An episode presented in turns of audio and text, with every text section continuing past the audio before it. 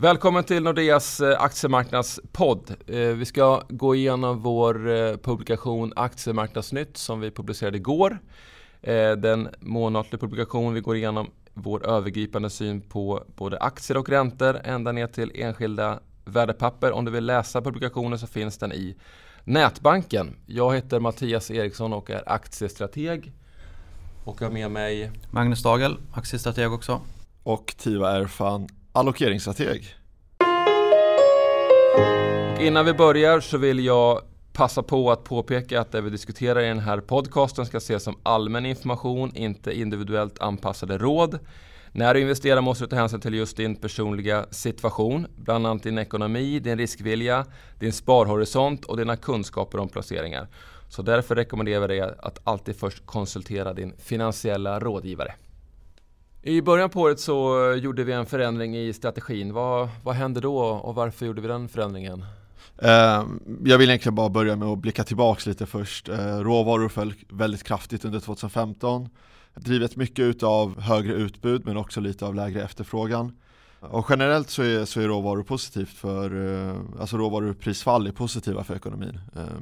Turkiet, Indien, USA, Europa mår bra, eh, men råvaruländer, Brasilien, Ryssland mår, mår sämre. Eh, vi drog ner high yield eh, och vi höjde statsobligationer och det ger oss neutralt i båda tillgångslagen. Vi sänker risken i räntebenet, vi sänker risken i portföljen och det ger oss låg ränta men med mer stabilitet egentligen. Så hur ser den övergripande strategin ut? Vi överviktar aktier mot korta räntor. Eh, aktier har bra potential för avkastning. Värderingarna är hyfsade och eh, det finns mycket utrymme för mer vinster inom aktier. Eh, vi överviktar Europa mot just eh, tillväxtmarknader. Östeuropa, och Latinamerika ser inte så bra ut än och inom räntor så överviktar vi amerikansk investment grade mot tillväxtmarknadsobligationer. Så varför gillar vi eh, Europa lite, lite mer då? Alltså det, det, det är potentialen. Eh, och den här potentialhistorien den har ju funnits så länge men, men nu ser vi stöd från, från massa håll. Det, ECB fortsätter med aggressiva stimulanser, eh, ekonomin återhämtar sig och vinsterna efter ganska många svaga år ser äntligen ut att, att faktiskt kunna prestera. Vi har ju, jag skulle säga egentligen kanske tre teman. Vi har ju Kina, oljeprisraset, två teman. Vi har också det här centralbankspelet, Federal Reserve, amerikanska centralbanken höjde räntan i slutet på förra året. Det väntas ju fler räntehöjningar. Skulle börja där Tiva och prata lite centralbanksspelet här, vad som kan hända i år? Ja, centralbanken är, det, de är rätt intressanta för det, det händer mycket. De, de pumpar likviditet i marknaden. Fed börjar visserligen strama åt. Man pratar om hur kommer räntebanan se ut? Blir det två höjningar? Blir det fyra höjningar? Vissa säger noll höjningar. De flesta ekonomer tror väl någonstans mellan två och fyra. Och det är nu räntebanan blir intressant istället för det här binära höjer vi eller höjer vi inte räntan. Tittar vi på övriga centralbanker, ECB fortsätter att stimulera. Bra för europeiska aktier. Public Bank of China kommer förmodligen fortsätta sänka reservkraven, sänka räntan. Och Bank of Japan vill inte se en eh, starkare valuta. Och eh, man vill hålla valutan svag, man vill stödja ekonomin och det är egentligen där man vill vara. Kina sa du, Kina är, är intressant. Det var en del eh, turbulens här för att säga det rätt milt under, under början av eh, månaden. Och eh, vi ser ändå att Kinas politiska intentioner, eh, hur man behandlar ekonomin, det har inte ändrats. Jag tror inte man är så orolig i Kina. Och börjar vi med liksom hela den här hårdlandningsfrågan, vi tror inte på en hårdlandning i Kina. Eh, man har verktygen, man kan stimulera. Det finns mycket som, som talar för Kina. Men vi har en neutral vikt för att det är just de här riskerna på, på marknaden. Och i slutändan så köper vi kinesiska bolag när vi köper Kina. Vi köper inte kinesisk ekonomi. Men eh, tittar man då på, på hur de spelar det här spelet, de fortsätter närma sig Taiwan, Japan, Sydkorea till viss del, eh, Nordkorea trots det här då fjärde vapen, eh, kärnvapentestet. Men man är inte i någon eh, kris eh, internpolitiskt. Oljan, eh, det, det jag har fått höra mycket är att eh, oljan och eh, Kina händer samtidigt, hur kommer det sig? Men, men oljan hände på grund av att Kina hände. Alltså fallet på, på råvarumarknaden kommer på grund av Kina. Man oroar sig, vad händer i världens största råvaruimportör? Om tillväxten avtar, vad kommer det innebära för, för eh, handlingskraften inom, inom eh, råvaror? Men det har vi också sett att det har ju faktiskt lett till lite, lite svårigheter här på hemmamarknaden och jag är ingen expert på svenska aktier, eh, Mattias. Där tänkte jag lite mer, hur ser Stockholmsbörsen ut i år? Ja, vi, tror, vi tror ju på ändå ett positivt eh, år i år. Vi har en positiv syn på 2016. Trots den här väldigt turbulenta inledningen då minst sagt. Viktigast är ju då naturligtvis vinster och värdering och vi, vi gör en bedömning att vinsterna fortsätter att stiga även i år. Eh, Nordea Markets eh, har i sina prognoser på, på bolagen då att Stockholmsbörsen sammantaget ska växa sina vinster med 7% i år. Så blir det eh, så pass bra så behöver vi se en, en, positiv kursutveckling också. Det behöver inte ens bli så pass bra tror jag för att det ska, att vi ska se, se, se en, en, en positiv börs. Vi måste ändå se lite vinsttillväxt. Men eh, värderingen eh, har också utrymme att, eh, att bli högre. Vi kan återkomma om det. Men det viktigaste är ju att den globala tillväxten, som vi tror upp, kommer uppgå till, till 3,5% i år. 3-3,5% i alla fall. Och det, det bör räcka för att bolagen ska visa vinsttillväxt. Och därigenom får vi se även högre börskurser. Vi kan ju lägga till där, det är väldigt viktigt att det är väldigt stor diskrepans mellan småbolag generellt och, och storbolagen. Jag menar storbolagen på OMX som som Volvo och bankerna och Telia har aldrig värderats så här lågt, runt P 10 och man ser ju direktavkastning på runt 6% överlag. Liksom. Samtidigt som småbolagen har gått otroligt bra förra året. Då. Ja. Med, med småbolagen överträffade storbolagen med 50% på två år. Så det, det är en väldigt tudelad eh, värdering och en tudelad börs. Ja, småbolagen gick ju enormt bra ja. förra året och nu tror vi på att det blir en liten omvänd situation ja, när skulle kunna bli, bolagen är så pass lågt värderade. Ja, skulle kunna bli eh, storbolagens comeback i år kanske. Ja. Och, och, det där är också någonting eh, som är ganska intressant globalt. För vi kollar ju mycket på liksom hur ser eh, värdeinvesteringar ut mot eh, tillväxtbolag. Hur ser det ut på Stockholmsbörsen? Ja men det är väl samma där liksom att, eh, att det är väl förmodligen värdebolagen som kan få en comeback i år. Liksom. Just med tanke på att de är så pass billiga ändå. Att värderingarna är så pass nedtryckta och, och kurserna har fallit i många fall på, på de här värdebolagen. Samtidigt som eh, under fjolåret så ville ju alla ha tillväxtbolag. Vi vet alla hur hur Tobii och, och Fingerprint gick. Va? Och många småbolag gick väldigt starkt. Men nu borde det bli, kunna bli en comeback för, för värdebolagen helt enkelt med de som ger bra direktavkastning. Då. Det är inte svårt att hitta aktier som ger en 6% direktavkastning. Så det tyder ju på det. Men, men där när man tänker lite mellan, mellan sektorer, jag menar globalt så, så har energi material svårt. Hur ser det ut på Stockholmsbörsen? Den är så liten den delen av, av Stockholmsbörsen så den har ju ingen större betydelse på index utan de viktigaste sektorerna är bank och verkstad. Och banksektorn bör vara relativt stabilt, eh, sannolikt i alla fall. Nu har vi den här regleringsoron som ligger som en våt filt över sektorn. Men, men den sektorn som kommer få, eller sannolikt i alla fall, som kommer få en avgörande betydelse det är ju den både då indextunga och exportinriktade verkstadssektorn som påverkas dels av Kina och även då av olja gas i, i Nordamerika så det har varit mycket fokus på på sistone. Och där aktien har fallit väldigt kraftigt får vi påpeka. Ja 40-50% ja. i, i många fall så har ju SKF har till och med halverats liksom. Ja.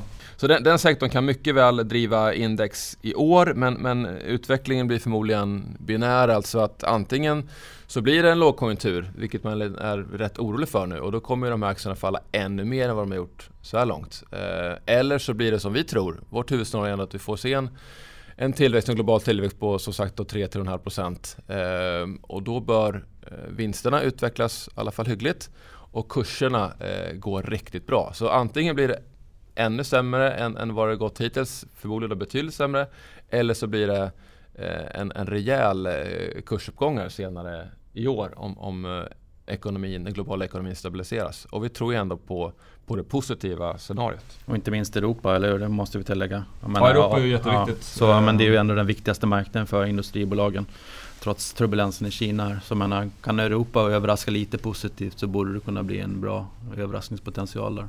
Men om man tar, om man tar eh, omsättningsmässigt, hur mycket står Europa för ungefär på, på Stockholmsbörsen? Det är runt eh, 35-40 procent ska jag nog tippa, så det är en väldigt stor eh, andel. Då. Det är den helt klart viktigaste Ja. regionen för svenska Ja. bolag. Så mycket hänger på, på Europa. Det är mycket fokus på Kina nu men, men det viktigaste är ju ändå Europa. Och där ser vi en tydlig förbättring. Och en tillväxt i år på kanske 2%. Så det är, Europa, det, är, det är viktigt att Europa går bra. Eh, jag, jag tittar ju mycket på värderingen och sånt där. Hur ser det ut värderingsmässigt på Stockholmsbörsen? Ja, vi tycker värderingen kan bli eh, högre. Eh, P-talet är 14 nu, räknat på, på den vinst man förväntar sig i år då, 2016. Och det är faktiskt lägre än det historiska snittet, så det är absolut inte avskräckande. Och det dras ju ner av, av, av bankerna och flera industribolag och Telia bland annat. Så det, det är väldigt viktigt hur den här index är komponerad. Och storbolagen värderas Ja. ju lågt Ja. generellt. När eh, nu rapporterna börjar och om man börjar tänka lite på eh, hur har året gått för, för bolagen generellt. Om du skulle peka ut tre saker, de tre absolut viktigaste sakerna som är viktiga när man försöker hålla koll på vad som kommer ut från rapporterna, vad skulle det vara? Det blir lite upprepning. Det är ju det är mycket fokus på Kina. Eh, det var det ju när vi rapporterade tredje kvartalet också. Eh, det kommer att bli återigen. Nu var det ju faktiskt ingen dramatik, större dramatik när de eh, svenska bolagen rapporterar sin, sin kinesiska verksamhet. Eh, Hexagon och, och Autoliv är de eh, bolag som har högst exponering bland de större bolagen och Hexagon växte faktiskt med 5% i det tredje kvartalet i, i Kina. Eh, Autoliv gick ner lite grann då, så det var, det var odramatiskt. Eh, och mer fokus blev det istället på olje och gassektorn i, i USA, där det faktiskt är mer dramatiskt. Nu påverkar ju det de svenska bolagen mindre, men det är ändå en del bolag som, som drabbas ganska hårt och hela tillverkningssektorn i, i USA eh, drabbas. Och det stora frågetecknet då när kvartal 4 rapporteras då inom kort i kommande månadsskifte här så så är det just hur eh, svenska bolag påverkas av den här nedgången inom olja och gas och framförallt de indirekta effekterna på tillverkningssektorn i stort. Hur, hur det här kommer påverka de svenska verkstadsbolagen. Så Kina, eh, olja och gassektorn, USA och sen då naturligtvis när bokslutskommunikéerna kommer så är det utdelningsförslagen. Och då pratar vi återigen bankerna då, hur mycket vågar bankerna dela ut med tanke på den regleringsoro vi har. Men också då hur mycket vågar eh, verkstadsbolagen dela ut med tanke på den konjunkturoro vi har. Så det kan nog komma en och annan eh, utdelningssänkning sannolikt eh, bland, bland verkstadsbolagen. Det borde inte överraska. Ni hade ju en, eh, ett helt fantastiskt år eh, för modellportföljen förra året. Eh, Gör ni några förändringar nu? Ja, eh, vi kan fortsätta prata verkstad. Vi gör en förändring i, eh, i modellportföljen. Vi tar in Haldex, eh, ett mindre verkstadsbolag och plockar ut Trelleborg som är ett lite större verkstadsbolag. Vi ska väl medge att Haldex har lite högre risk. De har mycket fokus på Nordamerika och eh, last och släpbandsmarknaden eh, globalt sett. Trelleborg har väl en kanske lite bredare verksamhet men eh, ja, vi kan gå in mer på sen var, varför vi inte föredrar eh, Trelleborg i det här läget utan föredrar Hallex. Men vi tar, tar Hallex, varför man ska äga Hallex så har de genomgått en väldigt imponerande förvandling de senaste åren. Från ett bolag med marginaler på 5-6% avkastning på, på kapitalet på 10 så har man dubblerat det här och en rörelsemarginal nu på 10% och en avkastning på sysselsatt kapital på, på 20%. Så, så man har gjort en fantastisk resa de senaste ja, fem åren kan man säga. Och den här förvandlingen den är ju, eh, har ju långt ifrån uppskattat så mycket som vi tycker den förtjänar då av aktiemarknaden. Utan kursen har ju halverats här eh, på ganska kort tid. Eh, det var inte länge sedan aktien stod i 140, nu står den i under 70 kronor. Eh, så vi tycker det är ett ypperligt eh, köpläge. Nu får man verkligen ett kvalitetsbolag till ett väldigt bra pris tycker vi. Vi gör en förändring också, vi tar ju ut eh, Trelleborg. Eller hur? Så um, det vi ser där det är ju dels att vi har gjort en väldigt bra vinst. Den har ju nästan dubblerats sen vi har haft den i modellportföljen under ett par år här nu. Och vi tror att huvudspåret är att den stora omvärderingen är helt enkelt gjord i, i Trelleborg. Även om vi inte är direkt negativa till aktien så ser vi bättre potential i Haldex helt enkelt. Så risken med en serie i Trelleborg det är att de har brottats med svag organisk tillväxt under ett antal kvartal här nu. Det är- Det är utmaningen för dem att få upp den helt enkelt. Så ja, vi tar helt enkelt hem en, en bra vinst där. Så bättre potential i, Ja. i Haldex. Ja, och framförallt lägre värdering som du var inne på där. I, Ja. i Haldex. Nästan halva värderingen om man tittar på ev ebit då. EVB ett multipel på, på 8 och då, är det, då räknar vi på Nordea Markets estimat Mm. som ligger lägst i marknaden. Så Ja just det. Som Konsensus blir multipeln ännu lägre faktiskt. Just det. Just lite Eh, kudde där. och även, eh, även en stark balansräkning som möjliggör både bra utdelning, direktavkastning på, på 4,5% räknar vi med i, i vår här nu. Mm. Och eh, förvärv sannolikt kanske i Asien eh, för att bredda sig geografiskt. Eh, så låg värdering, stark balansräkning. Och sen vill jag också nämna det här med att det mycket väl kan komma en order i år på skivbromsar till, till dragbilar. Det vore väldigt bra för, för aktiekursen, någonting som saknas i produktutbudet som är viktigt som kan mm. komma under året. Här. Så det, så. det kan bli ett spännande år för Det har man väl hållit på att prata om i tio år nu med Alex. Men nu ser det, nu ser det väldigt lovande ut. Eh, så ja, vi tror att det kommer i, i år. Ja, det blir spännande. Jag vill också passa på att säga, det är ju väldigt viktigt att modellportföljen steg med 32,9% förra året. Så vi slog index med 22,5 procentenheter. Så det är vårt bästa år någonsin sedan vi startade modellportföljen 2004. Så väldigt starkt år 2015 för modellportföljen. Jag ska ju nämna också vi har en Global 30-lista som vi gärna uppmärksammar i, eh, i det här numret av Aktiemarknadsnytt som vi släppte då i igår torsdag. Så eh, uppmärksammar vi Icon som är ett irlandsbaserat bolag som bland annat eh, gör kliniska tester på uppdrag av de stora läkemedelsjättarna. Eh, läkemedelsjättarna lägger ut mer och mer av det här så en högre del outsourcing talar för, för Icon. Eh, man lägger ut mer och mer av forskningsprocessen på, på de här externa aktörerna som, som exempelvis Icon. Och sen satsar läkemedelsbolagen mer på, på produktutveckling. Eh, det har ju alltid varit viktigt naturligtvis men, men mer fokus på det här nu har vi sett under de senaste åren. Och det här gynnar också bolag som, som Icon. Så väldigt spännande tillväxtutsikter för, för det här bolaget. Sen skriver vi även om, eh, om Pandora, den danska smyckeskedjan. Eh, vi ser väldigt kraftig tillväxt. Det går eh, väldigt, väldigt bra för det här bolaget.